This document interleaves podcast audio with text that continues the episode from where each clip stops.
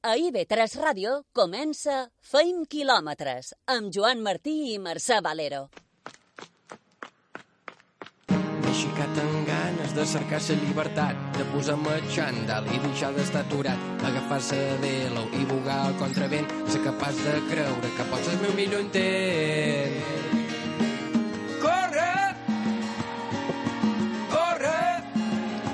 Perquè córrer, sortir a córrer, genera i produeix sensació de benestar, sobretot quan es dus uns quants quilòmetres. La verdad que, que correr mola.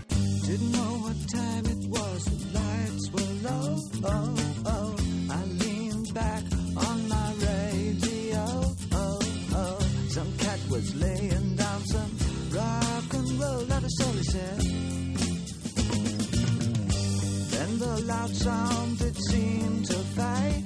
Sabrem avui a partir de quin quilòmetre comença a sentir-se més lliure i més feliç la nostra protagonista. Entrevistam avui a Asma Zamou. És la líder de la Lliga de Mallor- Mallorca de curses per muntanya. No sabia, diu, que córrer pogués ser tan gratificant.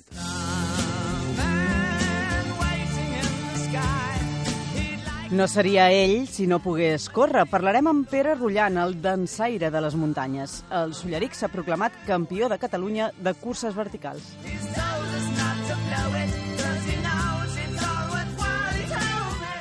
I anirem de Palma a Sóller per les vies del tren. Entrevistarem Víctor Calvo, organitzador d'una cursa inèdita. Lucía Barca ens parlarà de com començar a córrer i estar en forma també a partir dels 60.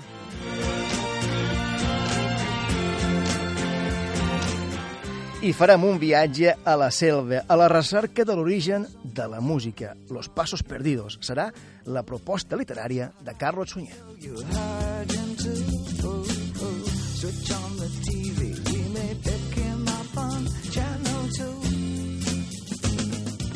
Som Mercè Valero, Ivan López, el control tècnic, i qui us ratlla, un servidor, Joan Martí.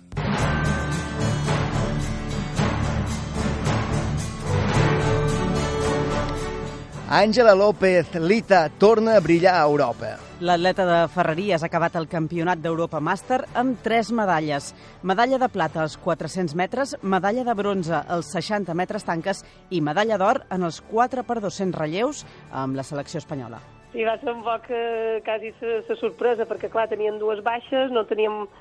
Eh, bueno, nosaltres eh, hi havia dues sèries, per molt que quedéssim primeres, vull dir, no ens havíem de conformar amb això, havíem d'anar totes quatre en el màxim, eh, perquè no sabíem, clar, vull dir, les altres de l'altra sèrie també competien contra nosaltres, així que no ens bastàvem per guanyar la nostra sèrie. I, I així ho vam fer i, i molt contenta. El temps que ha fet els 60 metres tanques, 9 segons i 8 centèsimes, ha estat la seva millor marca. No, no, la meva millora marca, vull dir, és que ni siquiera és millora marca que quan, eh, que quan corria de sènior. Absoluta. No, zero, abans les valles són un poc més baixetes, són un poc més baix, però sí, jo tenia 9,15 de, del 2000, deu ser, i vaig fer 9,08. I l'Eivissenc Àngel Blanco, dues medalles també a l'Europeu Màster. Dues de plata en 3.000 metres marxa i també en 5.000 metres marxa. Pere Rullant, campió de Catalunya de curses verticals. El Solleric va ser el millor a la prova disputada a Sant Joan de les Abadesses, a Girona. Van haver de modificar el recorregut per les intenses pluges. Finalment van ser 2,4 quilòmetres amb un desnivell positiu de 740 metres i ple de fang i neu. Pere Rullant va aturar el crono en 31 minuts i 53 segons. I bon paper de Sebastián Llabrés al Mundial de mitja marató disputat a València. Va ser la més ràpida de la seva categoria de majors de 40 anys amb un temps de 1 hora i 20 minuts. A més, va acabar onzena de la general femenina. I ja tenim campions de Balears de duatló sprint del 2018. Dissabte es va fer el campionat a Calvià. Els guanyadors i campions de Balears són Miquel Riusec i Jessica Pérez. En per triatló, el guanyador ha estat Alejandro Sánchez Palomero, que, per cert, ja està apuntat a la cursa fent quilòmetres. I també tenim campions de Balears dels 10 quilòmetres. Són Margarita Ferragut i José Luis García Pujades. Pau Bastart i Àngels Llobera guanyen el Puig Tomir. Victòria amb autoritat de tots dos. Pau Bastard va fer els 36 quilòmetres en 3 hores i 5 minuts. 6 minuts manco que el segon classificat, en David Martínez Lorden. I Nàngels Llobera va tardar 3 hores 45 minuts, 9 minuts manco que Neus Antic. Per cert, prova de la Copa Balear de curses per muntanya amb prop de 250 participants. I William Aveiro i Marta Robert, guanyadors de Satalaia. En aquest cas, recorregut de 17 quilòmetres a Sant Josep de Satalaia. Més d'un centenar de participants van completar aquesta cursa.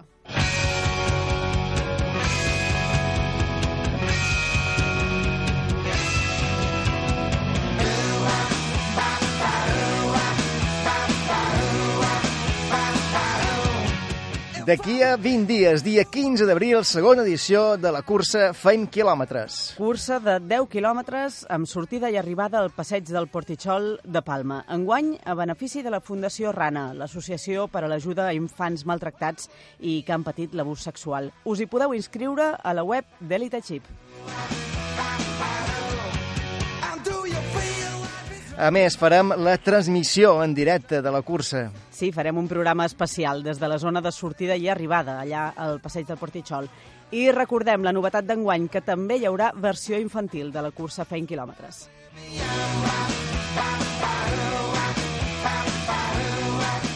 I a més de trobar-nos aquí a Ivetar Ràdio, també som a les xarxes socials. Sí, a Facebook, a Twitter, a Instagram i a Spotify. I també tenim web, feinquilòmetres.com, on hi penjam notícies, entrevistes que fem aquí també al programa. I com dèiem, també ens podeu trobar a Spotify, a la llista FKM, Feint Quilòmetres, on hi trobareu tota aquesta bona música que sona en el programa.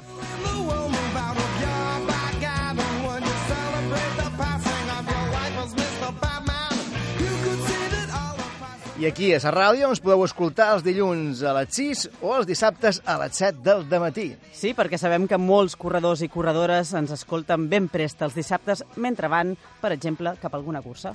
Tenim xip. Tenim xip. Visca 20 quilòmetres! El xip de la setmana.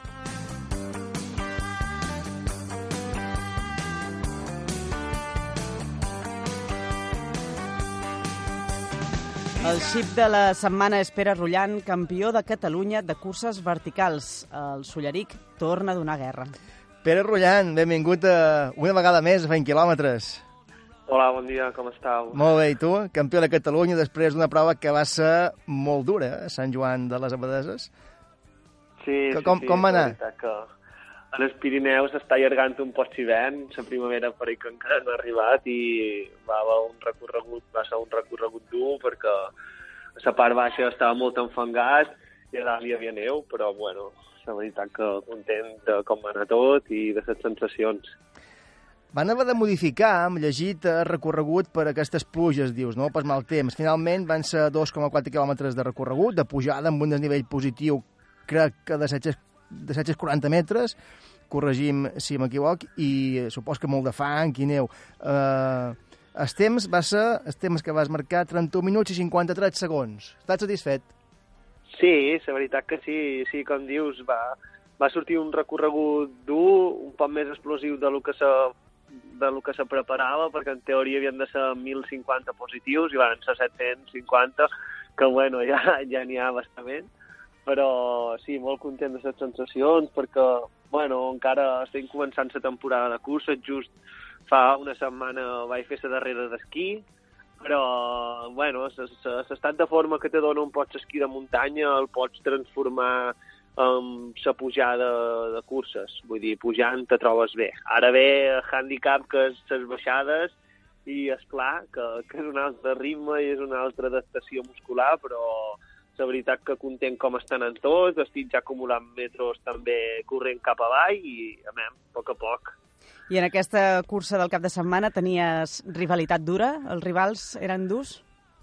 Sí, bueno, sí, sí, el segon, el segon classificat, el segon classificat m'havia guanyat eh, per desembre una altra cronoescalada i, i hi havia joves forts o l'Agustí Roc, que és un, un vell, bueno, vell entre cometes, però que ja fa molt de temps un vell roquer de, de, del món de, de, de les curses per muntanya, que va ser campió del món en el seu temps i que en els 40 i poc encara segueix donant guerra.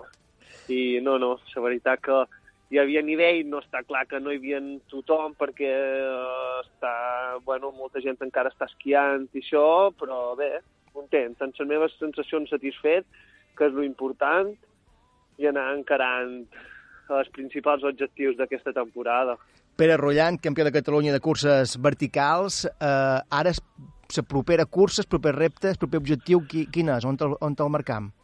Ara és anar això, anar trobant sensacions en curses a peu, perquè enguany, si tot va bé i no hi ha lesions, la meva idea és marcar-me una temporada encara lluís de, de curses per muntanya de Copa del Món. I, bueno, en principi, la planificació és d'aquí 15 dies vaig fer una cursa a Astúries a Cabrales, a, veure com me trob amb una mitja marató, uh -huh. i després ja anar encarant a Copa del Món, uh, si tot va bé, el dia 30 de juny, de juny no, d'abril, estem a, a Xina, a Yading, a fer la primera cursa de Copa del Món. I moltes ganes, si tot va bé també, a finals de maig, de Gama. O sigui que els dos primers objectius de la temporada de curses a peu. Així que, que enguany apostes fort una altra vegada per la Copa del Món, eh, de Skyrunning. Sí, sí, la veritat que amem, jo me considero bon pujador i tot, però el que disfrut més són les curses a peu de pujar i baixar. I, i fa dos anys que no cap de donar-me un nivell per petites lesions, però enguany esperen que sigui diferent i pugui repetir bones actuacions això a nivell de Copa del Món de curses. Recuperat completament de la lesió aquesta que va tenir en fora? Sí, sí, sí, la veritat que sí. L'any passat va ser un turmell i fa dos va ser una lesió tendinosa, la veritat que sí, per que sí. Com te dic, ara l'important de la transició de l'esquí en els corres, això, cuidar els petits detalls de nivell de sobrecàrregues musculars i tra fer treball de força en el gimnàs, que ho està, ho està incomplint de moment i a que tal. La veritat que amb moltes ganes de, de donar el millor que tenc a les cames, que la temporada d'esquí sense ser meu fort ha sortit molt bé, estic molt content de com han anat totes les curses i les sensacions que he tingut, sense planificar-ho excessivament, i bueno, ara ve el bo, ve el bo, mm. si tot m'ho deixa, ve el bo de donar-ho tot a Copa del Món. Molt bé, Pere Rollant, campió de Catalunya de curses verticals, que sigui una gran temporada, que vagi molt bé i te seguim de prop. Moltes gràcies a vosaltres per el seguiment i els ànims que doneu, que bueno, des de Mallorca i des de les Balears sempre són benvinguts i bueno, una forta abraçada. Igualment. Una abraçada, Pere. Vinga, Molta salut sort. i quilòmetres. Salut i quilòmetres. I ara seguim amb Lucía Barca. L'avituallament. Obrim consulta ja, tenim a Lucía Barca, fisioterapeuta, infermera esportiva i coach nutricional de Menorca Trainers. Benvinguda, Lucía, feim quilòmetres. Hola, hola, com estáis? Molt bé. Escolta, parlam avui de les corredores i corredors més veterans, cada Mhm. vegada són més, eh?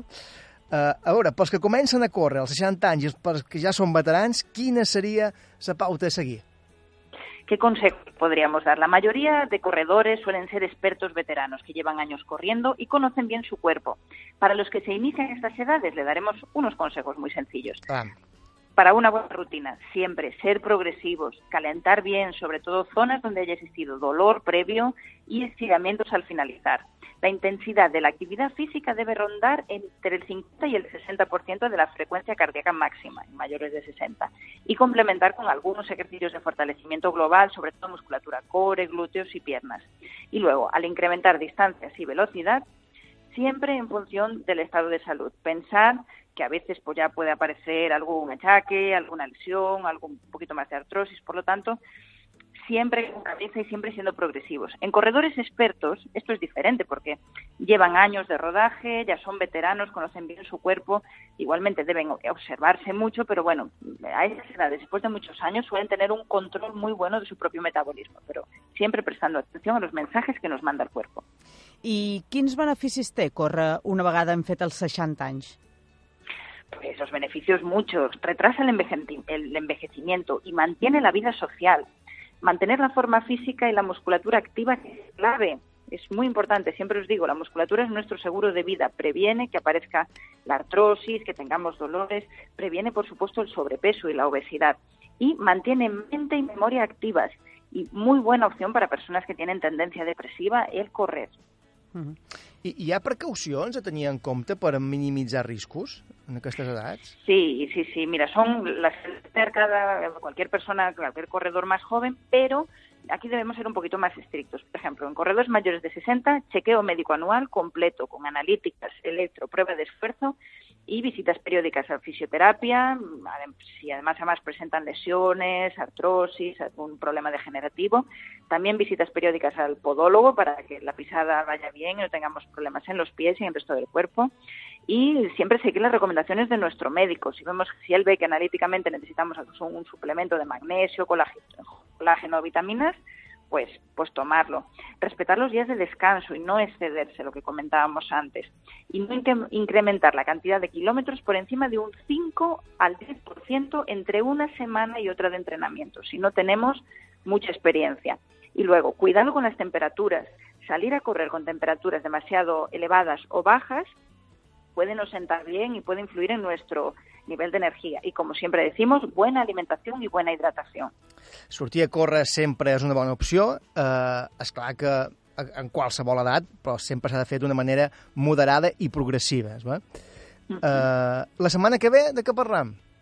¿Qué os parece si hablamos de, de la importancia del core, de esa musculatura profunda de abdomen y pelvis? Y os doy unos ejercicios para fortalecerlo. Ah, molt bé. Important reforçar aquesta zona abdominal i també zona lumbar per evitar lesions.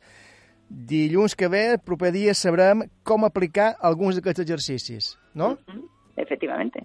Extraordinari. Lucía Barca, fisioterapeuta, infermera esportiva i coach nutricional de Menorca Trainers. Moltes gràcies i fins dilluns. Dilluns, Adéu, una abraçada. adéu, una abraçada. Adéu, adéu. Ara farem una aturada i tornem tot d'una. Entrevistarem Asma Zamú, la líder de la Lliga de Mallorca de curses per muntanya. Zona d'avituallament. Tot d'una continua, feim quilòmetres. Continua, feim quilòmetres.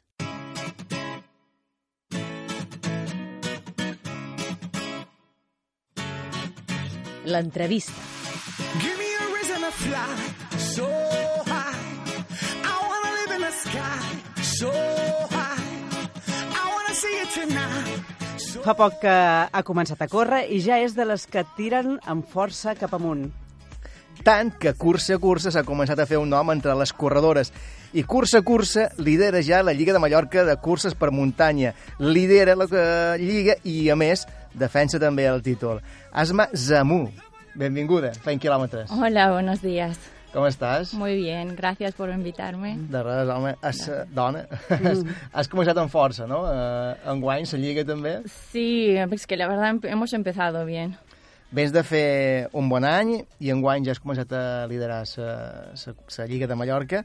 Sí. Uh, vas amb l'objectiu clar d'aconseguir de revalidar el títol de Lliga? Sí. Com, com, com, com te prepares les carreres?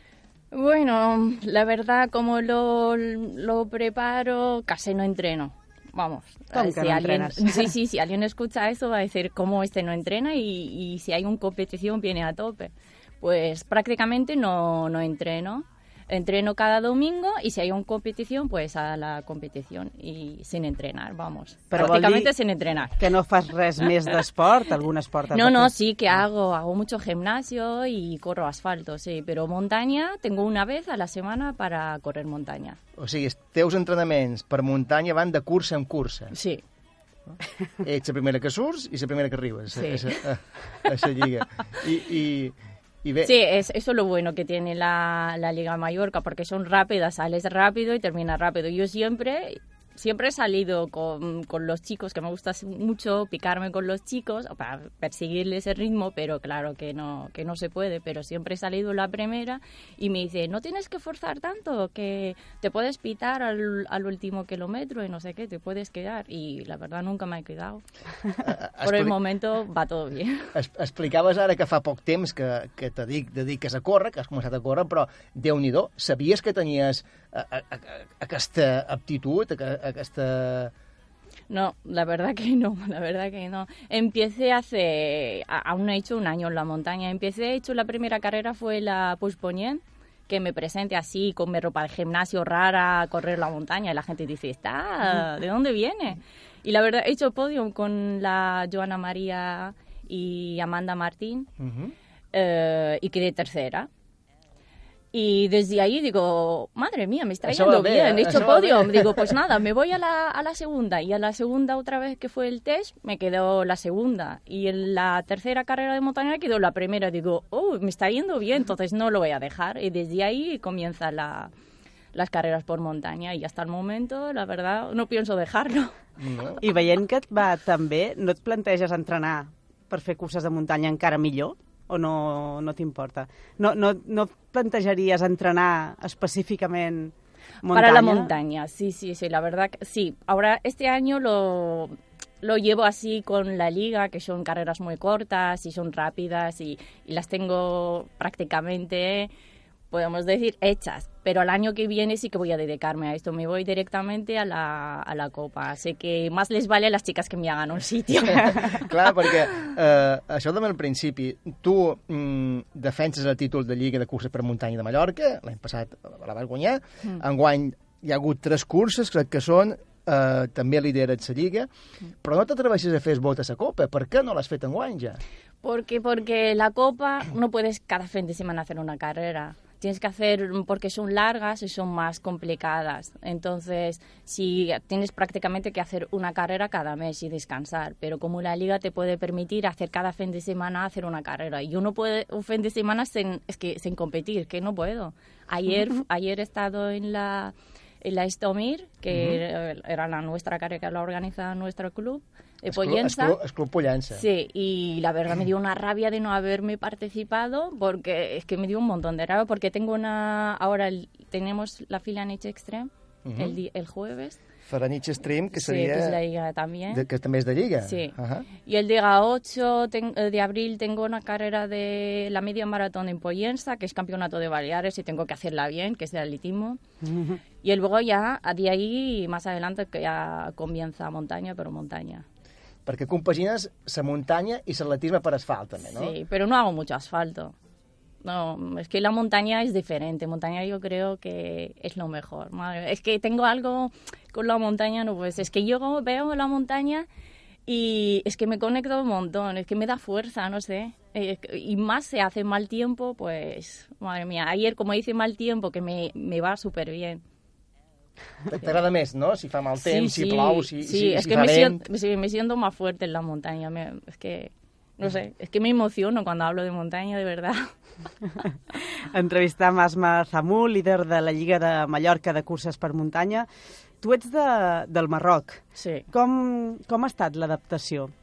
Uf, súper- anys fa que vius aquí, també? Bueno, llevo ya nueve años la verdad desde que he venido yo no he venido para estar, yo he venido, digo, ya volveré, pero desde que he venido aquí con mallorquines, bueno, antes, yo antes de venir aquí hablaban de mallorquines que son muy cerrados, que no quieren a nadie, no sé qué, y yo he tenido esa idea, pero cuando he venido aquí la cosa cambia, pero ahora vivo con mallorquines, mi novio es mallorquín, su familia, todos me quieren un montón, y en el club de Pollensa que todos son mallorquines, y digo, no me van a querer, pero me quieren un montón, es que me tratan súper bien, súper contenta y vamos, que no pienso volver Clar a que mi sí, país. que- igual que pensaves. que va. Eh, que- queden encara nou curses, com dèiem, la propera, ho has dit tu, és la Falanich Stream, dia 29 de març, que en aquest cas seran 500 punts. Eh? Sí. Després ve Estrella Llogarets, 22 d'abril, també, Sí, també de Lliga. sí. Eh, quin és el teu objectiu per, per enguany? Perquè guanyar la Lliga te quedarà...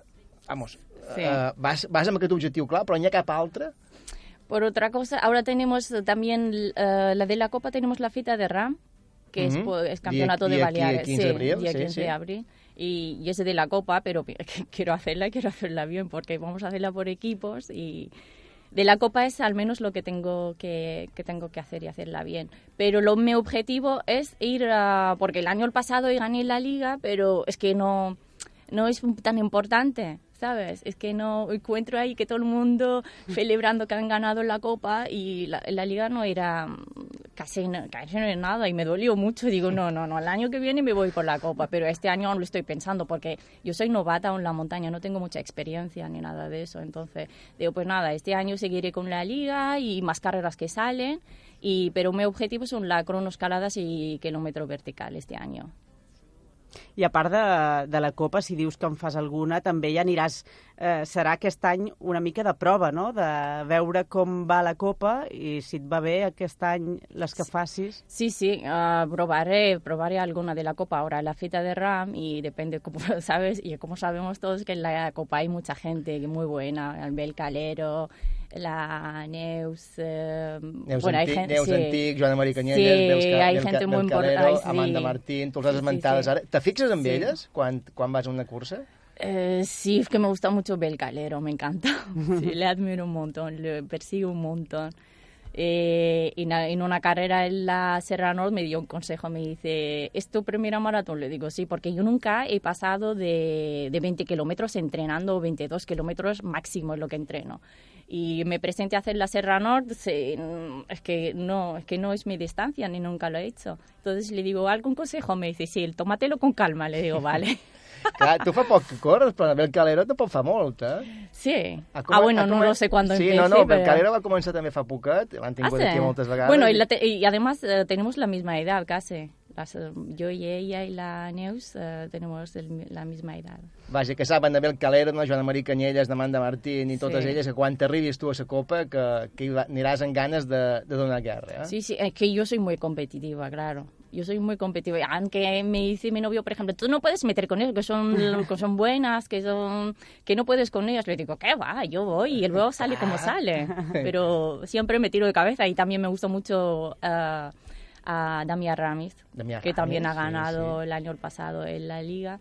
Y le pregunté el otro día en la, en la Galaxo, le digo, ¿qué? Este año la liga, y si es que la liga mola, mola más porque termina rápido, porque son carreras rápidas. Y si te gusta correr rápido, pues es lo mejor, son la, la liga. Que es Per cert. Joan, que ara deia que Serra Nord era la seva primera més eh, cursa més llarga, que va parlar amb Bel Calero, va fer segona darrere d'Anabel Calero, tampoc és que li anés malament. No, no, la verdad, desde que, desde que empecé yo... No vas quedant fora, eh?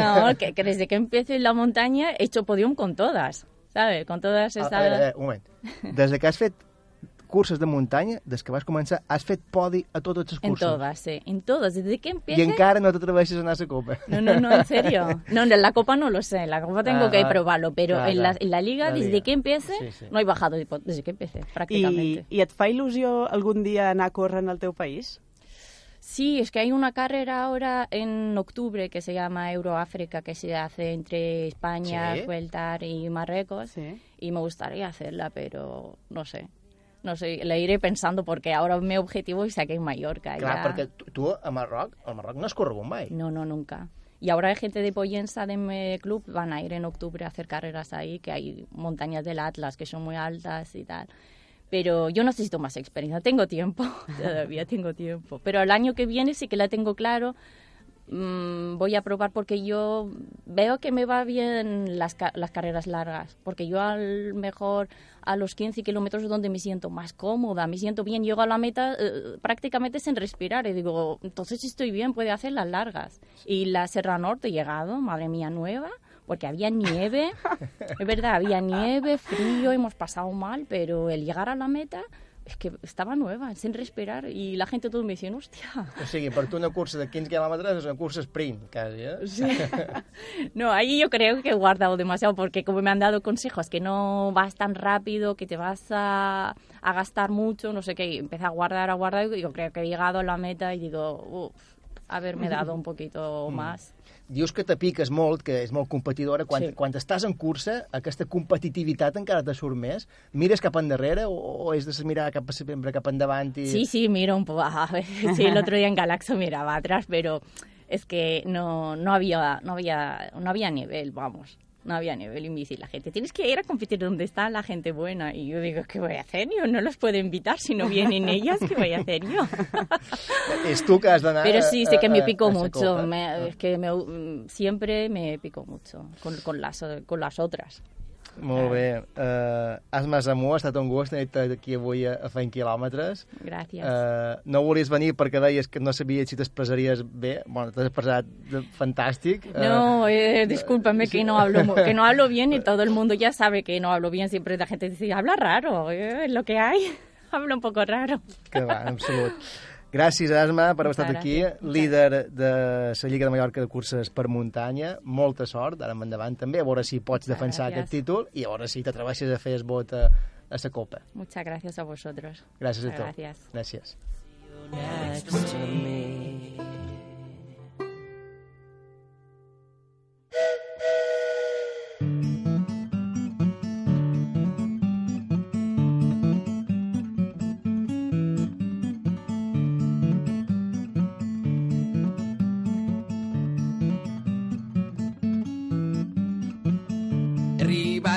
L'estació de Cubila també il·lusió. Per favor, vagin pujant, partirem d'aquí uns instants. Revisor... D'aquí a tres mesos es farà a Mallorca una cursa única. Mai fins ara no s'havia organitzat per aquest traçat. mataran, a casa seu ha disparat.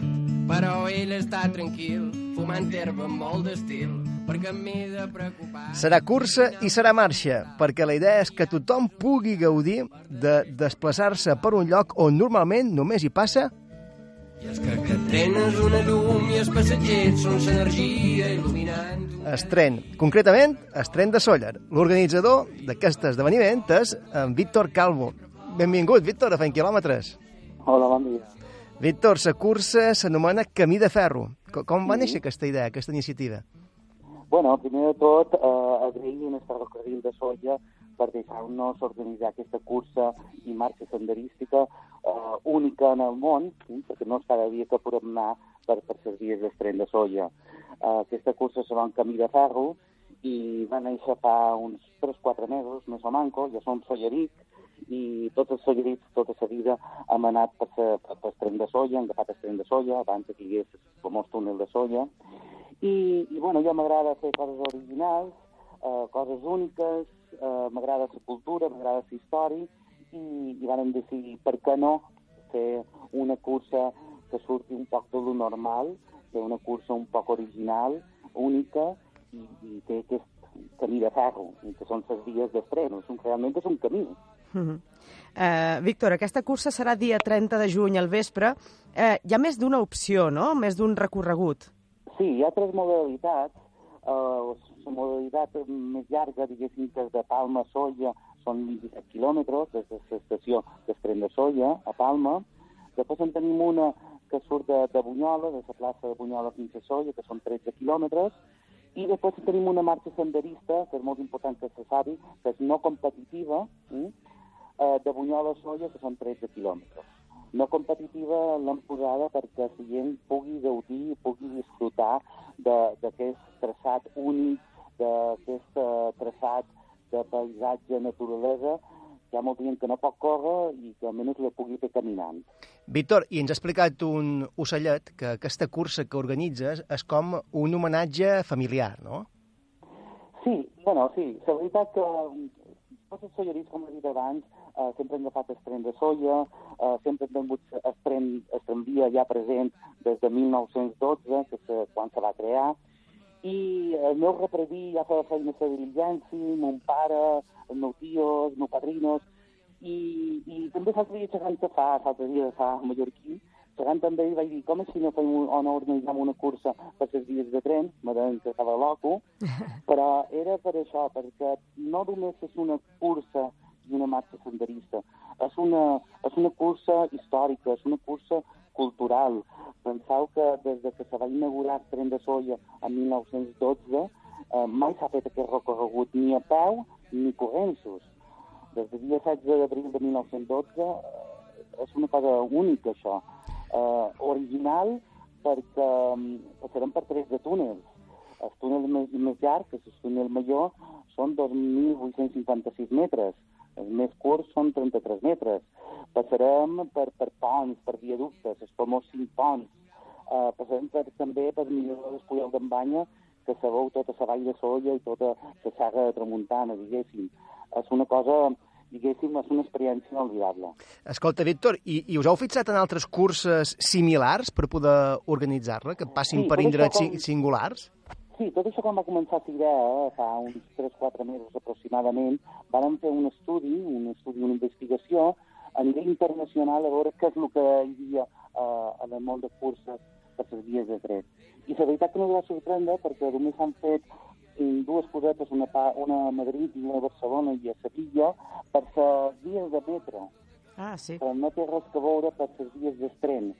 Uh, sí que s'han fet curses per vies verdes, però per vies de tren, en tren en circulació, en tren en marxa, eh, a nivell internacional serà la única. Escolta, hi haurà un límit d'inscripcions perquè supos que córrer per enmig d'una via eh, és un espai limitat, no hi caben molt de corredors tampoc, o, o no correran Sí. just entre, dins la via? Sí, bueno, en principi eh, s'ha de córrer dins la via i els laterals de la via, que en total són 3 metres, més o manco per poder córrer, faran diferents sortides, una de Palma amb 300 corredors, una de Bunyola amb 300 corredors i la marxa senderissa també amb 300 persones. Sí que és vera que eh, el que faran sortiran en tandes, perquè és vera perquè la via és molt limitada i seran, sortiran en tandes de 75 corredors o 75 persones a cada tanda. Molt bé, serà una cursa competitiva, però també serà festiva, en aquest sentit. Sí, la veritat que realment eh, aquesta cursa, com jo el que dic sempre, és una cursa cultural, històrica, per disfrutar de, del paisatge, de la naturalesa, per passar per dins els túnels, és una experiència única, eh, perquè com que no cada dia que hi podem passar, pues cada túnel està eh, eh, fet d'una manera diferent. L'arqui- L'arquitectura de cada túnel és totalment original i diferent. Uh, passar per, per cinc ponts, la sensació de veure que estàs flotant damunt l'aire i veure la vall de Solla, espectacular. Mm. Víctor, i també hi ha una cosa molt important, a part de que els eh, participants han de dur, per exemple, frontal per, per passar per dins els túnels, també hem vist que està prohibit entrenar per les vies del tren fins al dia de la cursa, és a dir, que ningú se li acudeixi abans de la cursa ficar-se a provar a veure què és això de córrer, no? Faltaria més que ara no mos diguessin, a fent quilòmetres han provocat. No, no. Una, una de les coses que a nivell organitzatiu i de seguretat no es preocupava molt i no segueix preocupant és que um, està totalment prohibit anar per les vies del tren. Eh, Penseu que el tren està en marxa, tant des de matí com al vespre, perquè de vegades al vespre, fora de l'horari, el tren està fent manteniment a les vies, està fent eh, sortides sense tren X, i és impossible saber exactament eh, quina hora passa el tren. Mhm. Com que se demana que, per favor, eh, no vagin entrenant a les vies i que no hi hagi cap loco que vulgui se fiqui dins un túnel perquè si se fiquen dins un túnel i passa el tren és que hi haurà una desgràcia. Clar. Per això, des de la direcció de l'organització demanem eh, molt seriament que, que se respecti i que si gent no entreni per les vies de tren, que entreni per la muntanya, entreni per l'asfalt, però no per les vies. I que dia 30 de juny estiguin tots a punt per venir a córrer aquesta cursa inèdita de Palma a Solla per les vies de tren. Moltes gràcies, Víctor, Víctor Calvo, organitzador d'aquesta primera cursa Camí de Ferro i confiam i esperam que sigui tot un èxit. Moltíssimes gràcies a vosaltres. Gràcies, Víctor. Adéu. Adéu, adéu. Correm i llegim.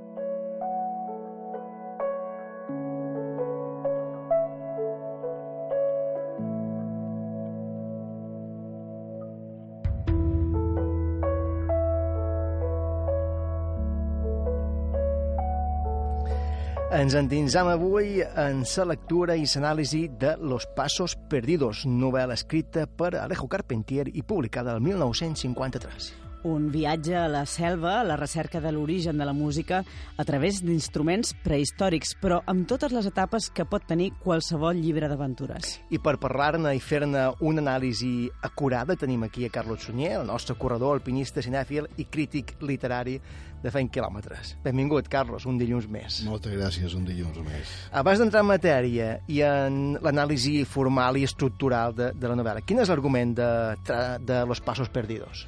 Molt bé, en aquest argument el protagonista, que és clarament un alter ego del mateix Carpenter, és un cubà que resideix a Nova York, és un apassionat de la música, més que de la música, de sentit de, de la música, perquè si ho penseu és fascinant que és la música, no? Com seria mal d'explicar eh, si, si veiéssim obligats a fer-ho, perquè l'estètica, l'art que, que suposa aquests sons, eh, posa tu, tu a explicar de manera conceptual, és complicadíssim. I eh, de manera molt, molt endevinada que és protagonista com a musicòleg, que també era en Carpentier, eh, està obsessionat amb la idea d'explicar eh, eh, la bellesa de la espiritualitat, espiritualitat humana a partir del fet musical. I, per tant, eh, ell l'envien per investigar en vez d'instruments arcaics a la selva de Venezuela. I allà eh, intentarà fer aquesta recerca d'aquesta música eh, primària, també vinculada a les formes de parla iniciàtica que pot, es pot quedar més evident a una població indígena i també de sentir de la comunicació emocional. Què passa? Que ell se va integrant en aquest ambient, per això és tan interessant, com bé deis, és també d'aventures, també és de fer quilòmetres i d'endinsar-se a, a terrenys inexplorats, i queda impregnat d'aquests sons, d'aquests entorns naturals verges, i això li, li produirà la eh, fascinació d'estar en contacte i de relacionar-se amb, amb habitants nadius. A més, ell viatja a Namuxé, que és una cantant que d'alguna manera representa eh, el que és Occident, que Occident és un poc la eh, corrupció vinculada a la civilització. I entra en contacte amb el Rosario, que és un indígena. No? Tot això, per no anar més en fora, produirà amb ell eh, dicotomia. Què faig? Eh, torn eh, o abandon tot? I, I això crec que ho fa molt interessant. És la història d'un viatge i no hi ha cap viatge que no comenci amb un comiat, amb una partida. Aquí el protagonista deixa Nova York, la punta de partida que representa el món quotidià i ordinari i en el qual no és ni feliç ni lliure.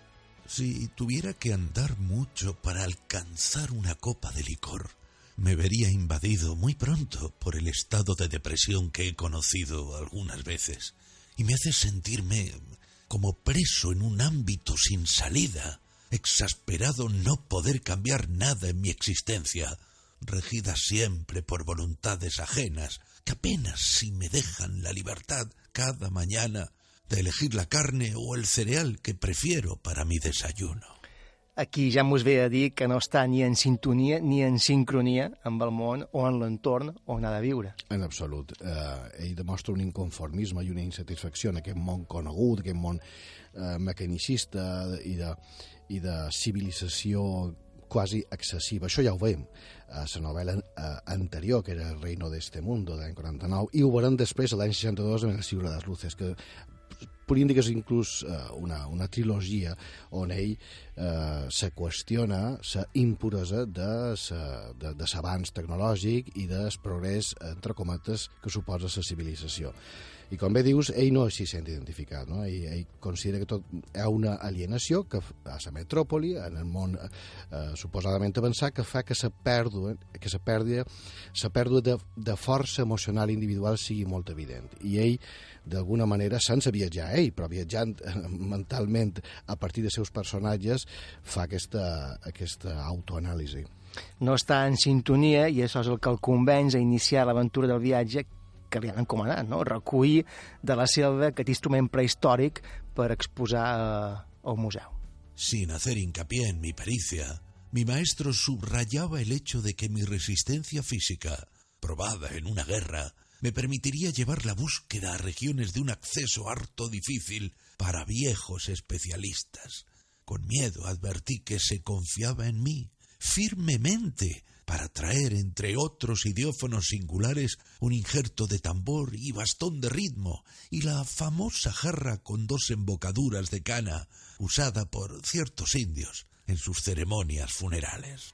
En la recerca i l'anàlisi d'aquests instruments hi podem trobar també la història de Sud-amèrica i, en certa manera, també de la humanitat. Sí. Ell parteix de l'amerikanisme per poder, eh, perquè, perquè havia una...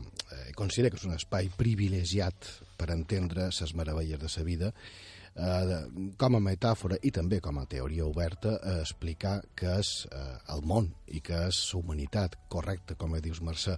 Eh, hem de pensar que ell era escriptor, musicòleg i periodista. Són eines formatives ideals per investigar la recerca de sentit últim de la humanitat, és a dir, que la conjunció de, de potencial que tenia ell com a investigador li permet això.